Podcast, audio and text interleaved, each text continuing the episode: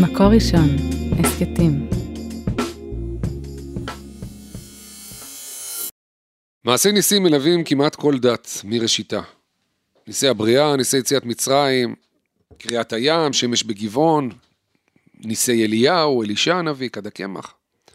יהודי אחד שנולד בבית לחם והסתובב הרבה בגליל, עשה בעצמו כמה ניסים, לפחות אה, לפי כתבי הנצרות, הפך מים ליין בחתונה אחת, או הלך על המים באירוע אחר. ודיונים אין סוף על ניסים ועל טבע, על אמונה, על שכל ישר, ממלאים את ההגות היהודית לדורותיה. חכמי התלמוד האמינו בניסים, למרות שהם חיו בתקופה שבה כבר אה, לא נעשים ניסים גלויים גדולים כמו ניסי המקרא, הם ראו בעיניהם כמה דברים. אבל לא כל מה שמפליא הוא נס. ואפילו לא כל פעולה בלתי נתפסת נובעת מכוחות של כישוף. אחד מגדולי חכמי התלמוד הבבלי בכל הזמנים, שמכונה בקיצור רב, פנה בצעירותו בהתרגשות לדודו הגדול, רבי חייא, ואמר לו, שמע, דוד, בעצמי ראיתי ערבי אחד בכיכר השוק, שלקח חרב גדולה וחתך גמל לשניים. ואז הוא המשיך בהתלהבות, אותו ערבי הקיש לו כמה הקשות בתוף, פתאום קם אותו גמל לתחייה. בחיי, במו עיניי ראיתי. הדוד חייא התרגש פחות, ושאל את אה, אחיינו הנסער ביובש, אחרי החיתוך הזה בחרב, ראית שם שלולית של דם, איברים פנימיים, הפרשות? אם לא, כל המחזה המפליא שראית אינו אלא אחיזת עיניים. באותה עת עתיקה כנראה שקוסמים למיניהם לא הפעילו נערות קסם כדי לחתוך אותם לשניים על הבמה באיזה ארגז נוצץ לעיני הקהל המשתאה, הם הסתפקו בגמל בכיכר השוק. אבל כבר אז, בימים של שדים וכשפים ומכשפות, היה מבוגר אחראי שידע לחרב קצת את המסיבה וללמד את הילדים להבחין בין מציאות לאחיזת עיניים.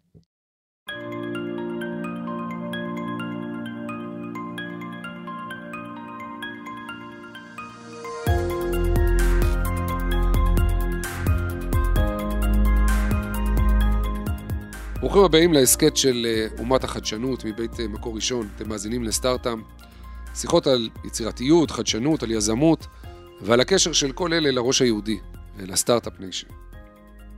אני שמוליק פאוסט, עורך במוסף שבת של מקור ראשון, דוקטור לספרות האגדה, כותב ומרצה על חשיבה תלמודית וזיקתה לחדשנות, יצירתיות ויזמות. ואני שמח מאוד לארח בפודקאסט שלי היום את איש הטלוויזיה הוותיק והזכור לטוב ירין קימור, שהיום הוא גם מרצה וכותב על פיתוח חשיבה יצירתית, שיטתית, אה, ואיך כל מה שבלתי אפשרי בעצם אפשרי. שלום ירין, ברוך הבא. שלום הרב, אני לא בעל נס, אבל אני מעודד את האנשים לחולל את הנס בעצמם. לחולל את הנס ולהבין מתי זה נס ומתי זו איזו יצירה אה, שנובעת מכוח היצירתיות שלנו. אז באמת, תמשיך אותי ותספר אתה בכמה מילים על עצמך. אמרתי, היית איש תקשורת, איש טלוויזיה בערוץ הראשון הרבה מאוד uh, שנים, ועברת לכל ההתמחות הזאת בחשיבה יצירתית. אז זהו, בכובע הטלוויזיוני איתרע מזלי uh, להיות במדיום השטחי הזה ולעסוק דווקא בתחקירי עומק.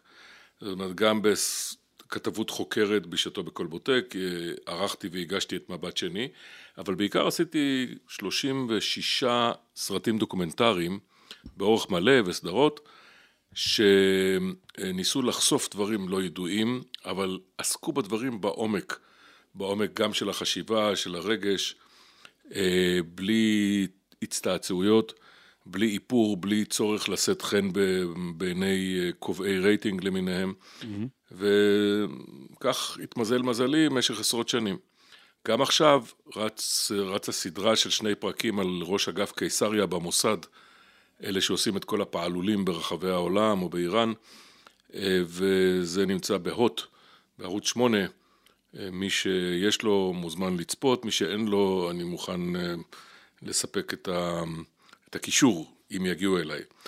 זה בכובע הטלוויזיוני, עשיתי גם סדרות על הנוקמים בנאצים, 1,500 mm-hmm. נאצים חוסלו במסגרת הנקם הזה, הם לא רצו לדבר, לקח משא ומתן של שנים עד שכולם הסכימו לחשוף את הסיפור שלהם, להתעמת גם עם הדילמות שיש מאחורי הקלעים במצב כזה של הרג בלא משפט, אבל היה צריך להביא בחשבון גם את גודל הפשע שהיה חסר תקדים בהיסטוריה.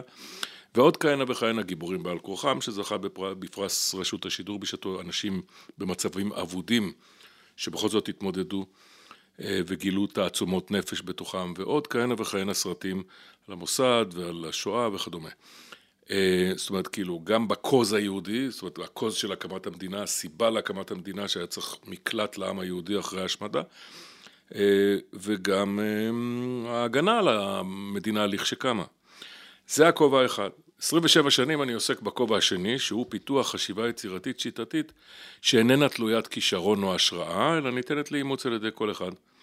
בין אם האדם חושב על עצמו שהוא יצירתי או מרובע, בשני המקרים הוא יכול להיות יותר יצירתי ממשהו, אם הוא מצויד בכלים ובטכניקות שאני חולק עם הקהל, שהן מבוססות אה, אה, אקדמית על גישות שונות שקיימות בעולם, אולי ניכנס אליהן יותר מאוחר. Mm-hmm. אז כתבתי על זה שני ספרים, אחד הבלתי אפשרי אפשרי, ששוטח את עקרונות השיטה, והשני, אז זהו שלו, על מיתוסים ושברם, ופיתחתי ערכת משחק שנקראת לצאת מהקופסה, שאולי נדבר עליה אחר כך, אבל כן. עיקרון, היא מאפשרת לתרגל את הכלים שנלמדו. זה פחות או יותר כרטיס הביקור. כן. כלומר, אני... הזכרתי בפתיחה את הניסים או את מעשה הקסמים, אה, אחיזת העיניים, ש, שהם גם סוג של בלתי אפשרי לכאורה בעיני המתבונן, ש, שמתאפשר. אה, שזה כמו באמת שם הספר שלך. אה, אתה, אני מניח, פשוט תקרא לזה מעשה יצירתי, וממה שאני ראיתי, אתה גם, אה, אתה משתמש ממש בקסמים כאלה כדי אולי לעמוד על הנקודה הזאת של הבלתי אפשרי או אפשרי, עם, ככל שחושבים יותר יצירתית. כששמעתי את הפתיחה שלך, אמרתי, וואלה, רק לפי הפתיחה הזאת על הקסמים אפשר היה להעביר פודקאסט שלם רק על הקסמים נכון. והניסים למיניהם. כי אני, אני בהחלט קוסם מקצועי, ואני משתמש בקסמים האלה כאילוסטרציה לתהליכי חשיבה. א', לפשט אותם, כי לפעמים יש אמ, מסרים מורכבים ומסובכים, שאם אתה בעצם יוצר תיאום מוחלט בין, ה, בין המסר לבין צורת ההבעה שלו, שהיא פרובוקטיבית, היא מיוחדת, היא מעוררת סקרנות, פליאה, רצון לחקר, אה, אז אה, אתה מצליח להביע נושאים מורכבים מאוד בצורה פשוטה אבל לא פשטנית. אה, ואני עושה בהחלט קסמים לא של הוצאת שפנים מהכובע, או הוצאת איזה אס מחבילת קלפים, אלא... או לחצות כן, או... בחורה לשתיים. תתפלא, בהופעה אני חוצה את עצמי לשניים. אה. בשידור חי על אמת, אני אזמין אותך וכל מי שמהצופים, ואתה ממש רואה פיזית את החבל עובר דרך הגוף, אבל המרצה איכשהו נשאר שלם. בינתיים, עד עכשיו, אני מקווה שזה יימשך. וזה כאילו לא סטרציה להבעת אין מימד, להבעת המימדים שאנחנו לא שמים לב, כי ברור שאני לא נחתך, אבל מבחינת... אל תגלה, הש... אל תגלה. זהו. אבל מבחינת, ברור שמבחינת האשליה של מה שנראה על ידי החושים, זה חד משמעית חיתוך. ו... ואם אתה שואל אותי מה האירוע הכי מדהים בהופעות שלי, בהרצאות שלי, זה הקטע שבו אתה שומע את עצירת הנשימה של האנשים, הם פשוט לא מאמינים למה שהם רואים. ואם הם ידעו את הסוד, לו ידעו את הסוד, היו חווים את החוויה של החוכמה שלאחר מעשה. והיו הופכים אותה לחוכמה בטרם עת, אבל זה חלק כן. מהרעיון. אני מאמין בלימוד חווייתי, בגלל זה אנשי החינוך הם הקהל המועדף על פניי. יש לי, יש לי קהלים של IBM, מייקרוסופט, המטכ"ל, המוסד, אני יודע מה, תעשיינים, אה, מדענים וכולי. כולם מכובדים, אבל המכובדים ביותר בעיניי, החשובים ביותר זה קהל אנשי חינוך, כי הם בעצם יושבים על השיבר של הדור הבא. טוב, אנחנו נשמח שבהחלט שבהמשך נדבר על, ה, על העניין הזה. אתה יודע, אני מנסה לאסוף פה בפרקים האלה קצת הגדרות למהי יצירתיות, גם מהי חדשנות. אה, המיל, המילים המאוד מדוברות האלה היום, אבל לא תמיד כולם מתכוונים לאותו דבר כשהם אומרים אה, יצירתיות.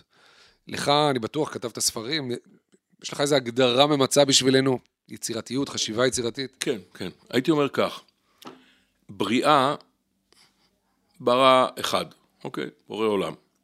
אנחנו יוצרים. מה אנחנו יוצרים? על ידי שני יסודות.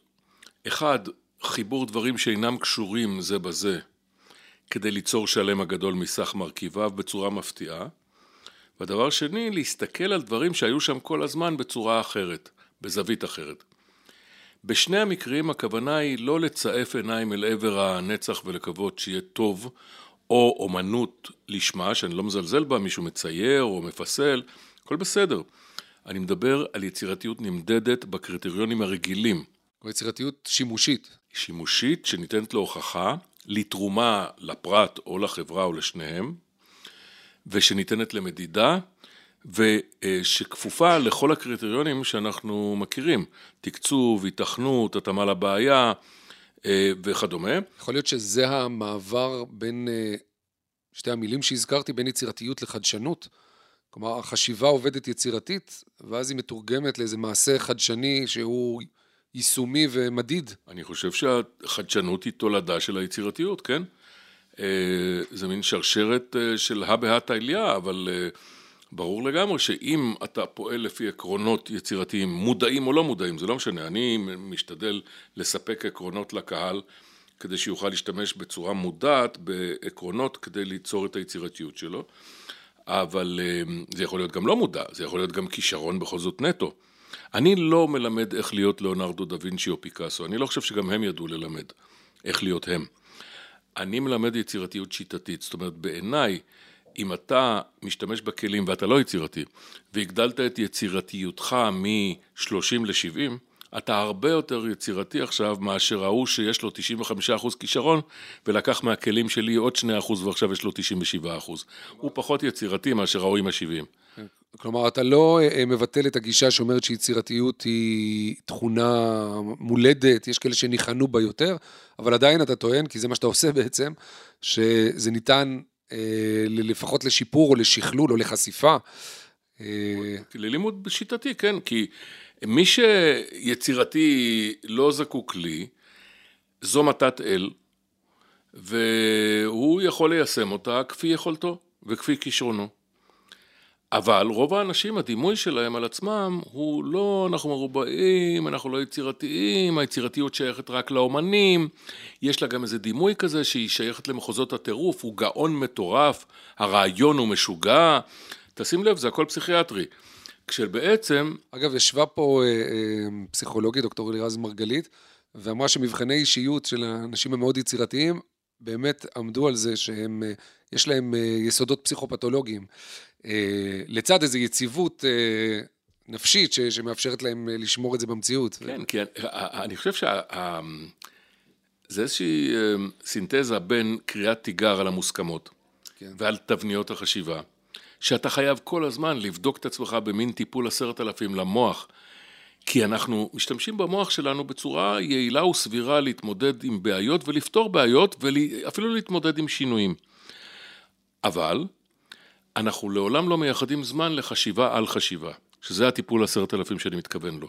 וזה מה שאני עושה עם האנשים. תן לי דוגמה למה אתה מתכוון, מה זה טיפול עשרת אלפים הזה, לחשיבה על חשיבה? תראה, יש 16 אלף או 16 אלף הנחות יסוד לא נכונות, שאני מכיר, לא בעל פה, אבל אני מכיר, שהגו מיטב האנשים הכי חכמים בהיסטוריה האנושית. מי עומד בראש מצעד האיוולת? תומאס אדיסון, גדול הממציאים, 1093 פטנטים, אבל הוא גם הגה את השטויות הכי גדולות. ואחריו אריסטו, ואפלטון, וגם ביל גייטס, וגם איינשטיין. כל אחד מהם חטא בשטויות. אז אתה יכול להגיד, רגע, כדי להיות כזה גאון, אתה חייב גם להיות מספיק מאוברר כדי לדבר שטויות, אבל זה לא כל כך פשוט. כי מעמדם הוא כל כך בכיר, שהם חנקו חשיבה רעננה של אנשים חסרי מעמד, שלעולם לא נדע על הרעיונות שלהם, כי הרעיונות שלהם נחנקו. לכן הרשימה של ה-16 אלף הנחות פוצחה הרי בסופו של דבר, כי מזה אני יודע שהן לא נכונות. אבל הרשימה של ההנחות הלא נכונות, שבכלל לא נחשפו, היא הרבה יותר ארוכה, אבל אנחנו לא יודעים אפילו על אחת מהן. אז מה, מה, מה אתה עושה עם אנשים? אני אתן לך דוגמה של הנחות כן. לא נכונות, ביקשת דוגמה. נכון. Uh, הטלפון אינו אופציה רצינית לתקשורת. חברת ווסטרן יוניון מסרבת לבל ממציא הטלפון. מי המציא את הטלפון? לא בל. מה הוא הוציא? אבל זה סיפור אחר ששייך לספר השני של הזהו שלו. גם אדיסון לא המציא את הנורה, אלא טסלה. אבל, אבל בעיקרון הטלפון נדחה. אה, אה, רשם הפטנטים של ארצות הברית, אה, לקראת סוף המאה שעברה, אמר, אני מציע לסגור את המשרד שבראשותו אני עומד, כי כל הפטנטים שאפשר להמציא כבר הומצאו. ראש IBM, מנהל IBM, אמר, העולם לא זקוק ליותר מחמישה מחשבים, תומאס ווטסון, יושב ראש ה-IBM, וכמה שנים אחר כך, ב-1977, בגבולות הזיכרון והביוגרפיה לפחות שלי, אה, נאמר שאין כל סיבה בעולם שלאדם פרטי יהיה מחשב בבית. מי אמר זה? קן אולסן, נשיא ומייסד דיגיטל, חברת ענק באותם ימים שבגלל זה איננה קיימת. כבר, וככה לעשות העולם מלא מלא, שלא לדבר על רפואה, כמה אנשים יכלו, אתה יודע מה, תראה דוגמה נפלאה. בקהל שלך, שאני מניח שהוא קהל של אנשים משכילים, אינטליגנטים, רחבי אופק, מחמיאים לכם עכשיו מאזיננו. נכון, אני נכון, מקווה אתם- שכך. אתם יכולים לפרוש בשיחכם. אמ, אנחנו יודעים שפחות או יותר יודעים את מה קרה עם האנטיביוטיקה, עם הפניצילין, פלמינג, צלוחית העובש וכדומה. אבל גם מי שיודע אינו יודע שלאחר שהתגלה הפניצילין לא השתמשו בו 15 שנים, ובכלל זה חלק ממלחמת העולם השנייה, כאשר אלפי פצועים פצעים מזוהמים, שיכלו להינצל בתוך ימים אחדים, מתו על מזבח הקיבעון המחשבתי הזה, כי רופאים ויצרנים לא האמינו בתגלית הזאת. וזה רק דוגמה אחת מני כן, עכשיו, רבות. הדוגמאות האלה, אתה מספר לנו על הנחות היסוד השגויות, הכישלונות, הקיבעונות הגדולים האלה ב- ב- בהיסטוריה. אבל אמ, אמרת, אתה נפגש עם, עם, עם, עם קבוצות, עם קהלים, אה, אה, מלמד. איך, ה, ה, מה שאמרת, הטיפול עשרת אלפים הזה, מה אנחנו, אה, תדגים לי מה אתה אה, מלמד, או מה אנחנו יכולים לעשות עם עצמנו, בנוגע לקיבעונות שלנו, ולכולנו יש אה, אה, קיבעונות מחשבתיים שחוסמים אותנו מ, מיצירה או מכל מיני אה, התפתחויות. תראה, אז קודם כל דע את אויביך. כי אם היינו רק ב, בהגברת תודעה לקיבע, לקיבעון המחשבתי, אז לא היה צריך אותי. היינו אומרים, וואלה, יש קיבעון מחשבתי, תיפטר ממנו. כן. אבל אנשים לא יודעים שברזולוציה הרבה יותר מדויקת, יש המון המון אויבים שמתחילים בהנחות יסוד לא נכונות, בשכפול דפוסים, בניסיון, אתה יודע, ניסיון יש לו יחסי ציבור מצוינים, בצדק, אנחנו מסתמכים על הניסיון, אבל הניסיון הוא הפנס הקשור לגב שלך, הוא מאיר את הדרך שכבר עברת. Mm. לא מהכרח הוא מאיר את הדרך קדימה, אם יש אתגר חדש שאין לו תקדים בניסיון. ואז מה אנחנו עושים? משתמשים בצידה לדרך שהייתה לנו מהעבר ומההווה, כדי לפתור דברים שאין להם שום רלוונטיות באתגר החדש שהוא שייך לעתיד. ולכן גם הניסיון שיש לו יחסי ציבור, גם האינטואיציה למשל. לא, אינטואיציה? מה זה? זה בן דוד של יצירתיות, מה פתאום? גם האינטואיציה היא אה, תולדה של הרבה מאוד כיוונות חשיבה, רק מה? יש לה פטור מהסברים. אני שואל אותך, איך הגעת לרעיון הזה? אתה אומר, אה, אינטואיציה. בוא תסביר לי, אתה אומר, "אה, לא יכול להסביר לך, זו הייתה תחושת בטן, אה, זהו. כתוצאה מזה אנחנו מתעלמים מאלפי תחושות בטן שהובילו אותנו לכישלונות וקטסטרופות, שאנחנו נוטים לשכוח אותם, אין דבר כזה באמת תחושת בטן, כלומר זה נובע מדפוסי מחשבה והידע שקיים אצלך כבר חלק מה... והתחושות שאתה מחבר לידע הזה. אפשר לזהות ממש, לזהות ממש בתוך האינטואיציה את קיבעונות החשיבה שמרכיבים אותה. באותה מידה שהקשר בין סיבה ותוצאה. אנחנו שנינו אנשים רציונליים, עוד פעם, כמו הצופים. אז די ברור שאנחנו אמונים על סיבה ותוצאה, אבל לפעמים מתחלפות הסיבות והתוצאות. התוצאה היא סיבה, הסיבה היא תוצאה. אתן לך דוגמה. האם תרופה, אה, האם מחלה שהיא ראשית התהליך, היא הסיבה, שמובילה אחר כך לתרופה, אבל בסוף, בסוף, בסוף התהליך, בתוצאה הסופית, סופית, סופית, יש בסוף תופעת לוואי. לפעמים תופעת הלוואי היא כל כך חמורה, תופעת הלוואי של התרופה, היא כל כך חמורה, שהיא הסיבה למחלה הרבה יותר חמורה בהשוואה לסיבה שהחלה את המחלה. לכן פתאום התוצאה הסופית הופכת להיות הסיבה למחלה אחרת הרבה יותר חמורה, שהיא הסיפור העיקרי. ו... אה, זה נכון ברפואה, זה נכון בטכנולוגיה, זה נכון בניהול, אז יש באסטרטגיה. יש איזה תרגיל, איזה תרגיל אתה יכול לעשות לי או ל- ל- ללמד אותי לעשות כדי להשתחרר מקיבעונות אה, כאלה או אחרים שיש לי? אז זהו, בסדנה עצמה אני עושה הרבה תרגילים כאלה, ממש אל מול הקהל, בשיתוף הקהל. תראה, אני אומר לך, אימא של דני יש לה שלושה ילדים, איקס, מיקס ו... דני, ודני, בדיוק. עכשיו, רוב האנשים... סליחה כמובן- שקלקלתי לך, אני לא, שמעתי אותך לא- אומר את זה. אתה לא קלקלת. ברור שעל קצה הלשון שלי היה להגיד ריקס. נכון, אבל אתה אימצת משהו שכבר למדת, שזה מצוין, זה דווקא. הוכחה, לא קלקלת, לא קלקלת, דווקא הדגשת. כי אנחנו באמת שולפים ישר מתוך התבנית שיש לנו בראש המוכנה את התשובה של איקס מיקס דריקס, או לאימא של דני יש שלושה ילדים, אברהם יצחק ולא יעקב אלא דני, ולכן תוך כדי תרגולים קטנטנים כאלה, זה כמובן מגיע לתרגולים הרבה יותר גדולים, אנחנו נהפכים מודעים לתבניות חשיבה שיוצרים לנו פטור מחשיבה. למה? כי אנחנו ישר מזהים את מה שאנחנו צריכים, ישר שולפים את התשובה בלי לחשוב בכלל. אגב, זה, זה, זה מנגנון אה, מוחי הישרדותי שהוא נפלא, עוזר לנו, אם היינו צריכים נפלא. כל שנייה לחשוב מאוד בעול- לעומק, לא היינו יכולים להכיל את הדאטה הזה בכלל ואת ה... לא, לא, לא, היינו, היינו יכולים להכיל, אבל היינו עסוקים, ביום הראשון של חיינו, עסוקים כל הזמן בבדיקה אחורה. כן. ולכן אנחנו חייבים להסתמך על הקיבעון המחשבתי. כי אם אמרנו שלאינטואיציה יש יחסי ציבור טובים מדי, הרי שלקיבעון המחשבתי יש יחסי ציבור רעים מדי. רוב הזמן אנחנו מסתמכים עליו בצדק, וזה מאפשר לנו לשלוט מהר ולהגיב מהר וכך הלאה. עד הנימה הזהירה הוא, שבה הוא הולך נגדנו. הסדנאות שלי וכל הפרנסה שלי וכל העיסוק שלי וכל האמ- האמונה שלי במקצוע נובעים רק מדבר אחד, מהעיסוק ב, ב, בנימה הזהירה ששם כל הצידה הטובה שלנו לדרך לא עובדת. ו- אז, אז אנחנו צריכים כישורים הרבה יותר גמישים במעבר מדפוס ישן ומוכח לדפוס חדש שאין לו תקדים בניסיון חיינו. וה... אפשר להסתפק ב... רק במודעות ל... ל- לעניין הזה לא, כדי להתגבר על קיבעונות? לא. אז מה עושים בפועל? המודעות הזאת זה ריקון הכוס. ברגע שאתה הופך להיות מודע לכמות האויבים שיש לנו במוח, ואתה מבין שהניסיון אה, הוא מה שרכשנו כאשר משהו לא קרה על פי הניסיון, רק אז נרכש ניסיון חדש, שכן אחרת אנחנו משכפלים את מה שאנחנו במילא יודעים וקוראים לזה ניסיון בן 20 שנה, שמורכב משנה אחת שלמדנו ומ-19 שנים ששכפלנו את אותה שנה ולא למדנו כלום. ברגע שאתה מבין את זה, אתה יכול לעבור לשלב הבא, להתחיל למלא את הכוס בטכניקות שאני מדבר עליהן. והטכניקות אז- האלה, כן. אז בוא נדבר על טכניקות, טכניקות יצירתיות שיש לך בשפע. אה, אתן תסביר לנו. ותן לנו כמה דוגמאות. היי, אז שמואל, מה יותר טוב מאשר נאה דורש, נאה מקיים? הרי אם אתה אומר אני מטיף לאחרים, מה איתך? אתה יושב במרובעות שלך ולא עושה כלום? לא.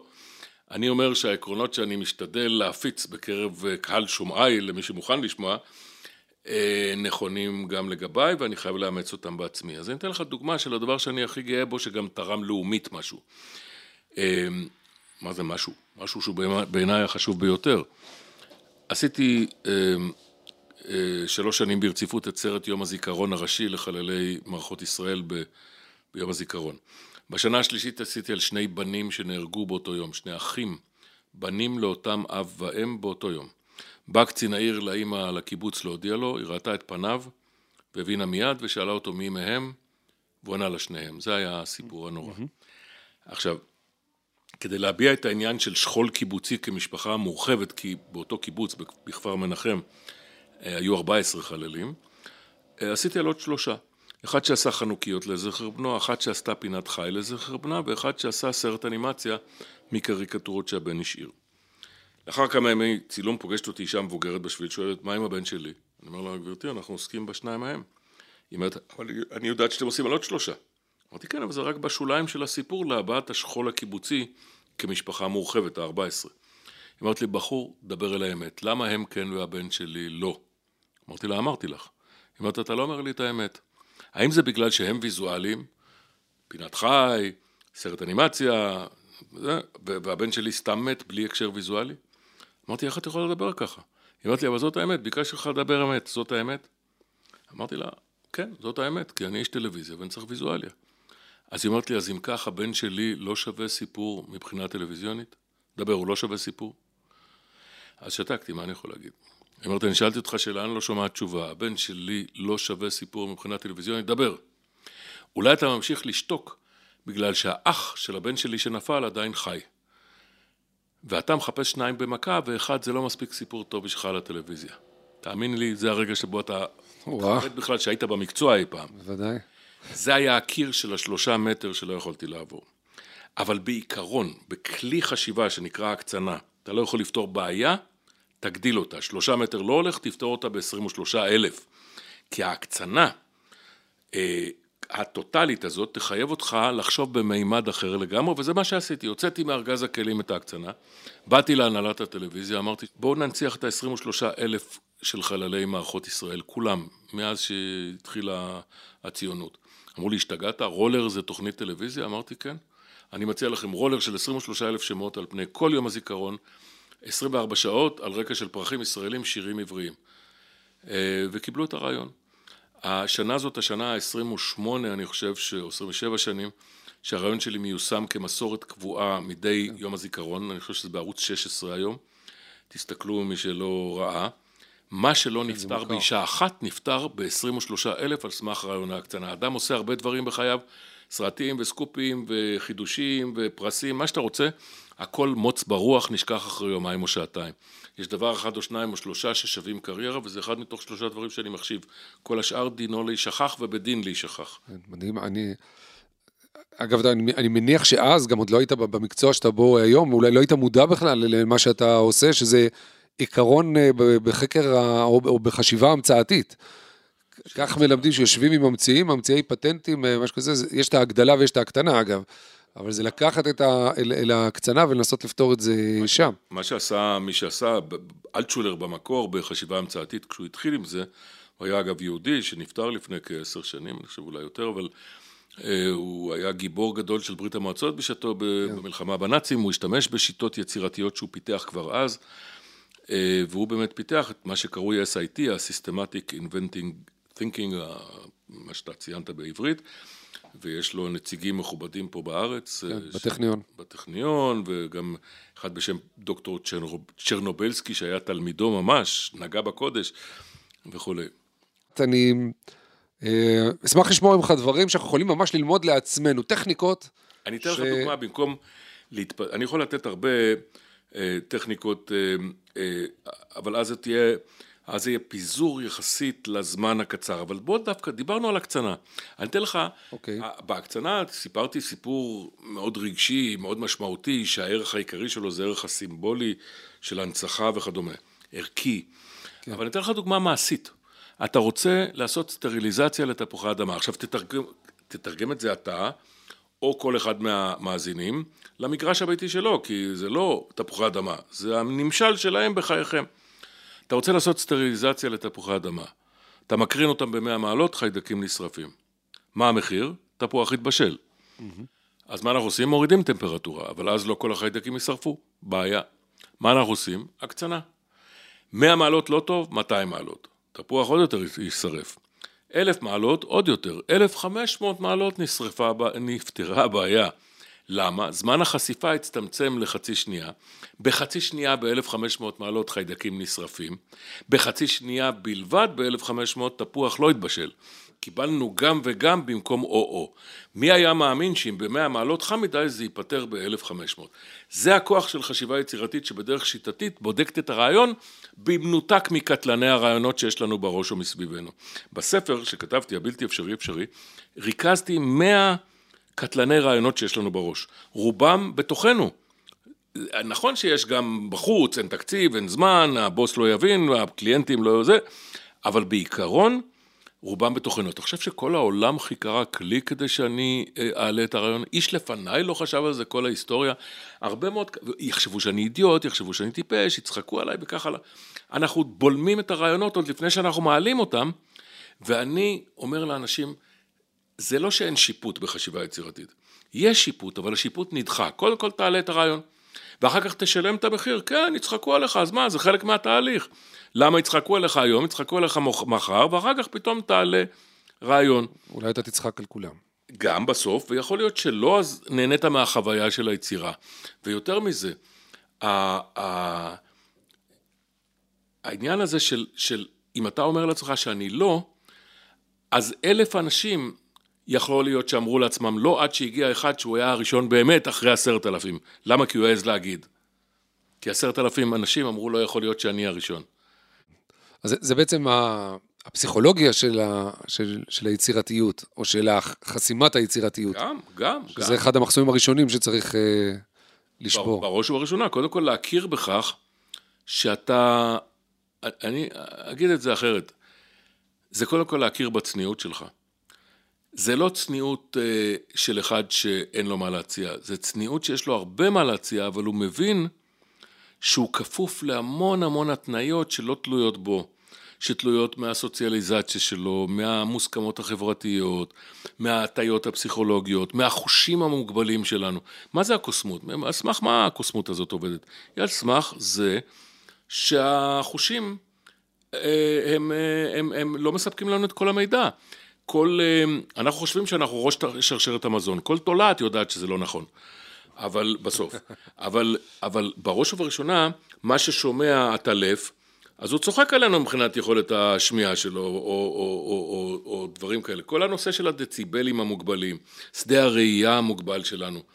אה, אז ברגע שאנחנו מודעים לכך שאנחנו אה, גם מוטי חושים, מוטי מוסכמות, מוטי אופנות, אה, אפילו העבר שנחשב, שנחשב עובדה, נכון?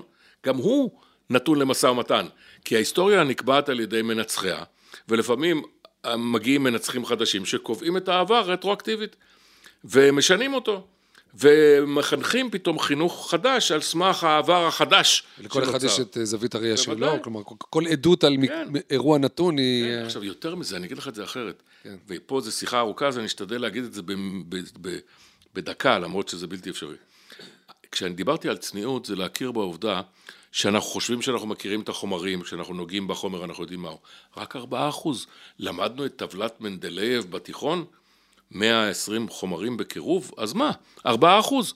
96 אחוז זה, זה חומרים לא ידועים. אנרגיה אפלה, חומר אפל, אין לנו מושג. וגם אם קוראים לך איינשטיין, או קוראים לך ניוטון, עדיין אתה לא יודע את מה ששנינו לא יודעים. אז דווקא מה שאני, כל הצניעות הזאת שאתה מדבר עליה, לדעת את, את המוגבלות שלנו, לי דווקא נשמע הפוך, כמעט אה, אחד החסמים. אם אני כל כך מוגבל, ואני לא יכול, ואני לא יודע, ואני רק כמה משתמש במוח רק בכמה אחוזים, והידע שלי הוא רק כמה אחוזים, אז מי אני שאני יכול, לאן יש לי לפרוץ, ומה אני יכול להציע לעולם? אני אגיד לך מה אתה יכול להציע לעולם, את הסקרנות. של נקודת מבטו של הקטן שמכיר בקטנותו אל מול מרחבי האינסוף, אל מול מרחבי הזמן האינסופיים. אנחנו לא מסוגלים להבין את מהות החיים, אנחנו לא מסוגלים להבין מה היה לפני החיים, מה יש אחרי המוות, אנחנו לא מסוגלים להבין מה היה מטר אחד אה, אחרי, מה יש מטר אחד אחרי האינסוף, אנחנו לא יכולים להבין... אבל זה לא, זה לא עוצר לנו את היצירה. שנייה אחת לפני המפץ הגדול, לא, יודע, לא יכולים. אבל דווקא בגלל שאנחנו לא יודעים, אם אנחנו מכירים בכך, לא נותרת לנו אלא הסקרנות לנסות לפענח את מה שאנחנו עדיין יכולים. זה לא מביא לרפיון ידיים, זה מביא דווקא ל, לרצון, לפליאה. אני, תראה, אני קם בבוקר, אתה, אתה איש דתי, אני לא איש דתי, שנינו יהודים טובים. אני, אתה קם בבוקר, מתפלל תפילת שחרית. אני קם בבוקר ומתפלל את אותה תפילה. מילים אחרות, אבל אני מלא פליאה למראה הבריאה הזאת. אני, אתה יודע כמה עשינו בלילה? מהירות של, שלוש, של קרוב ל-150 אלף קילומטר בשעה. אין שום דבר בכדור הארץ שנע במהירות כזאת, גם לא קליע ולא טיל ולא שום דבר. 150 אלף קילומטר. הכדור הענק הזה נע במהירות כזאת, והוא מגיע בול לאותו מקום עם אותה שמש, עם, אותו, עם אותה חשיפה. אני מלא פליאה, וזה ברור שזה משהו מעבר לי, איזושהי בריאה שאני לא מסוגל להבין אותה, אבל נורא מעניין אותי להתעסק עם חידותיה. כן. אמרת יהודים טובים, אתה יודע, פתחתי את הפרק קצת אה, בסיפור על חכמי התלמוד. אה, חומר ש... חומרים שאני כותב עליהם, מרצה עליהם, אה, חוקר אותם. ובשנים האחרונות, ומה שאנחנו עושים פה הוא חלק מהעניין הזה, אני מתבונן בצורות החשיבה של החכמים הללו, ואני מוצא שהן מתאפיינות קודם כל כחשיבה מאוד מאוד יצירתית, מאוד. אפילו פרועה לפעמים, כן? מתחיל ממשחקי מילים, אבל גם סיפורים פנטסטיים, דמיוניים, ו, ולא מעט בהתמודדות עם, עם uh, אתגרים וניסיונות uh, לפתור בעיות. מתחיל מבעיות טקסטואליות, אבל גם יישומיות, כלומר, משפטיות, הלכתיות, בשטח. ויכול להיות שכל זה מתחיל ב, ב, בריבוי הקולות של בית המדרש התלמודי הזה, הפוליפוניה הזאת, שנשמעים המון דעות שונות, בעיקר מנוגדות, מה שאנחנו קוראים תופעת המחלוקת, איזה מין קליידוסקופ צבעוני כזה של המון תפיסות עולם. כאילו יש כאן איזה, איזו מערכת כלים, אה, עדשות אופטיות, שמאפשרות לראות את העולם באין ספור דרכים שהן משתנות ו, ומרתקות. אני יודע שבהרצאות שלך הזכרת אה, חברות גדולות, ואתה גם מרצה בחו"ל, נפגשת עם, עם תרבויות אחרות, עם בני תרבויות אחרות לגמרי, שונות ורחוקות מאיתנו. ואני טועה, אם כשאתה מדבר איתם על, על, על יצירתיות, על, על, על הסטארט-אפ ועל אומת הסטארט-אפ, אם הם מזהים אה, את, ה, את דרך החשיבה האלטרנטיבית הזאת או אחרת, או שאתה גורם להם לזהות כאן, או שאתה מזהה בעצמך שיש כאן חשיבה אה, מסוג אחר, שאולי אפשר לקרוא לה יצירתיות יהודית, אני לא יודע. אני, אני רק הייתי, אני לא רק מסכים איתך, אני רק הייתי מוריד מילה אחת, זה אולי. Aha. אפשר לקרוא לה יצירתיות יהודית, כן. שאני מאוד גאה בה, כשאמרתי ששנינו יהודים טובים, אז אה, אולי אתה בקיא ממני בתלמוד, אבל אני מאוד גאה בחכמנו ובעקרונות של החשיבה שהם הפיקו וחשבו לאורם והתנהגו לאורם. אתן לך דוגמה, אתה הזכרת את זה חצי חטף, אה, העניין של הסתירה, של המחלוקת. כן. אה, אנחנו בעידן המודרני חיים ב-או-או. לך תביא לי אלטרנטיבות, מתוך העשר בוא ננתח אותם, יתרונות חסרונות, נגיע שתיים לגמר, נבחר בסוף אחת. מה פתאום? זאת דרך היחידה שהפסדנו הרי את הצדק שבשנייה. היה לה צדק מסוים, היא לא סתם הגיעה להיות השנייה האלטרנטיבה. זאת אומרת ששיטת גם וגם היא לפעמים יותר טובה מחשיבת או-או. כי הג... הגם וגם זה לא להביא סתירה שתכה אחת את מרכיבי השנייה. אלא לפעמים זאת הרמוניה של ניגודים וגדול השלם מסך מרכיביו. וכשאתה אומר שניים אוחזים בטלית, זה לכאורה מצב בלתי אפשרי, אבל בסופו של דבר צריך להגיע לפתרון. ובגלל שהסתירה בוטה, אתה מחויב על פי כללי החשיבה הזאת, ליישב את הסתירה בעולם תוכן אחר מאשר תרשים הזרימה הרגיל שמביא אותך לדד אנד. ולכן זה יופי של עיקרון. עכשיו, חכמנו אה, והתלמוד בנוי על הסתירות האלה. והסתירות האלה לא הבהילו את האנשים, והם לא היו חייבים ליישב אותם ויהי מה, לפעמים ה... ה... עכשיו, יותר מזה, מה הגדולה? למה אני גאה במוצא, של, במקורות הללו? כי דעת המיעוט נשמרה. בדרך כלל, אה, המיעוט אה, פשוט נקבר, גמרנו. זאת אומרת, הצדק שלו... אם זה או-או, אז דעה אחת נבחרת, נכון, ולכן, לפח, לפח. שלא לדבר על שמונה ההצעות האחרות שהיו בדרך, נכון, שמי יזכור אותם אי פעם. נכון, אבל נגיד שרק אחת. אז המיעוט הזה נקבר באדמה וגורלו אינו נודע. לעומת זאת, בתלמוד, מה עשו? תראה, 2,500 שנה שמרו את דעת המיעוט. נכון. זאת אומרת, שדעת הצדק שהובס עדיין זועקת אלינו מתוך האדמה עם שאריות הצדק שבתוכה שלא יתקבל. לא רק זה, אלא אני ממשיך את אה, דבריך, זה, נש... זה מתועד ו... ונעשה בו שימוש בחלק מהמקרים. כלומר, יכול, יכולים לבוא חכמים אחרים 800 או 1,500 שנים אה, לאחר מכן, ובסיטואציה מסוימת, כשהם צריכים אה, לפסוק, הם יכולים לקחת את הדעה הדחויה בכללים מסוימים ולהשתמש בה. כי גם היא דעה, וגם אותה יש לשמוע, היא מתאימה בדיוק לסיטואציה הזאת. בדיוק, אז, אז זה דבר ראשון, אבל תיקח דבר הרבה יותר פרובוקטיבי. משה מתווכח עם, עם האל, והאל משתכנע.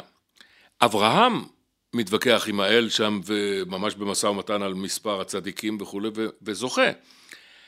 אה, זאת אומרת שכותב הקונסטיטוציה, ככה אני תופס את זה, כפוף אף הוא לקונסטיטוציה, שהוא יצר. זאת אומרת, אין רעיון דמוקרטי מזה, כאשר גם כותב על קונסטיטוציה, עכשיו אתה יכול להגיד רגע מה כותב על קונסטיטוציה כפוף, ממתי אלוהים כפוף למשהו, אבל בוודאי שאם הוא ברא את האדם שיוכל לקרוא עליו תיגר, אז זה לא לוקח שום דבר מהקרדיט של הבורא אם זה מה שהוא בחר, ואז כאשר מגיע תנורו של הכנאי ולא בשמיים היא, שזה כאילו, מה זה, משפט כופר בעיקר, אבל הלא בשמיים היא, זה בת קול שיצאה מלמעלה.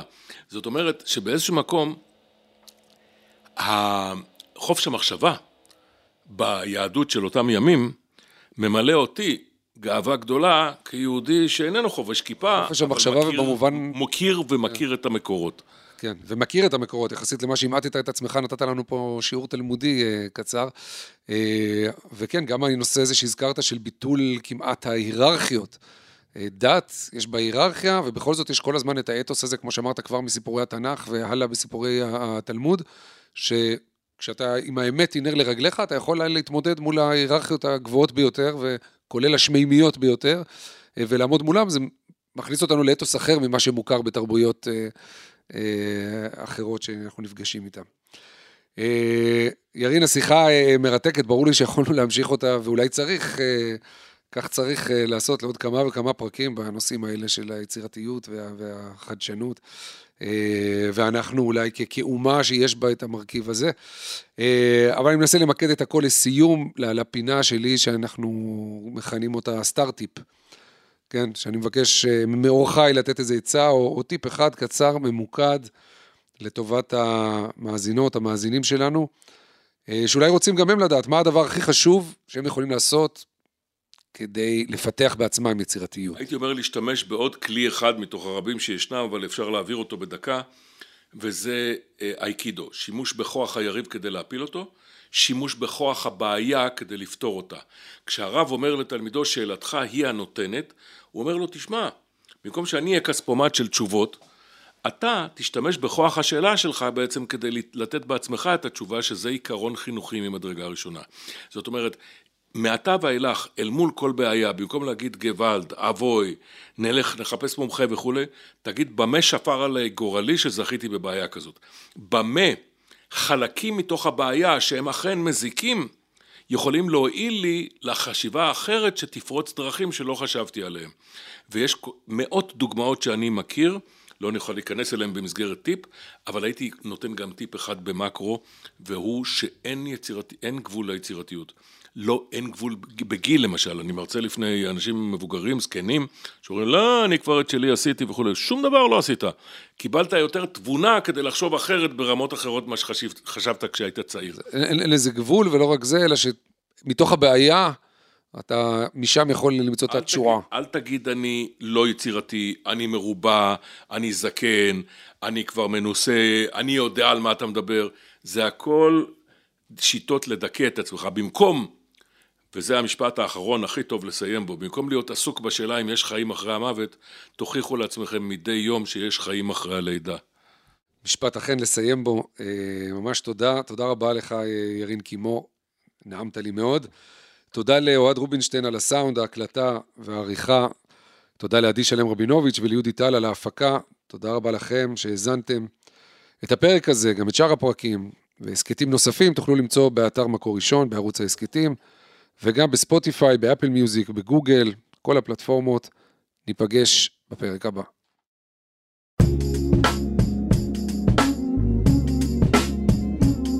מקור ראשון, הסכתים.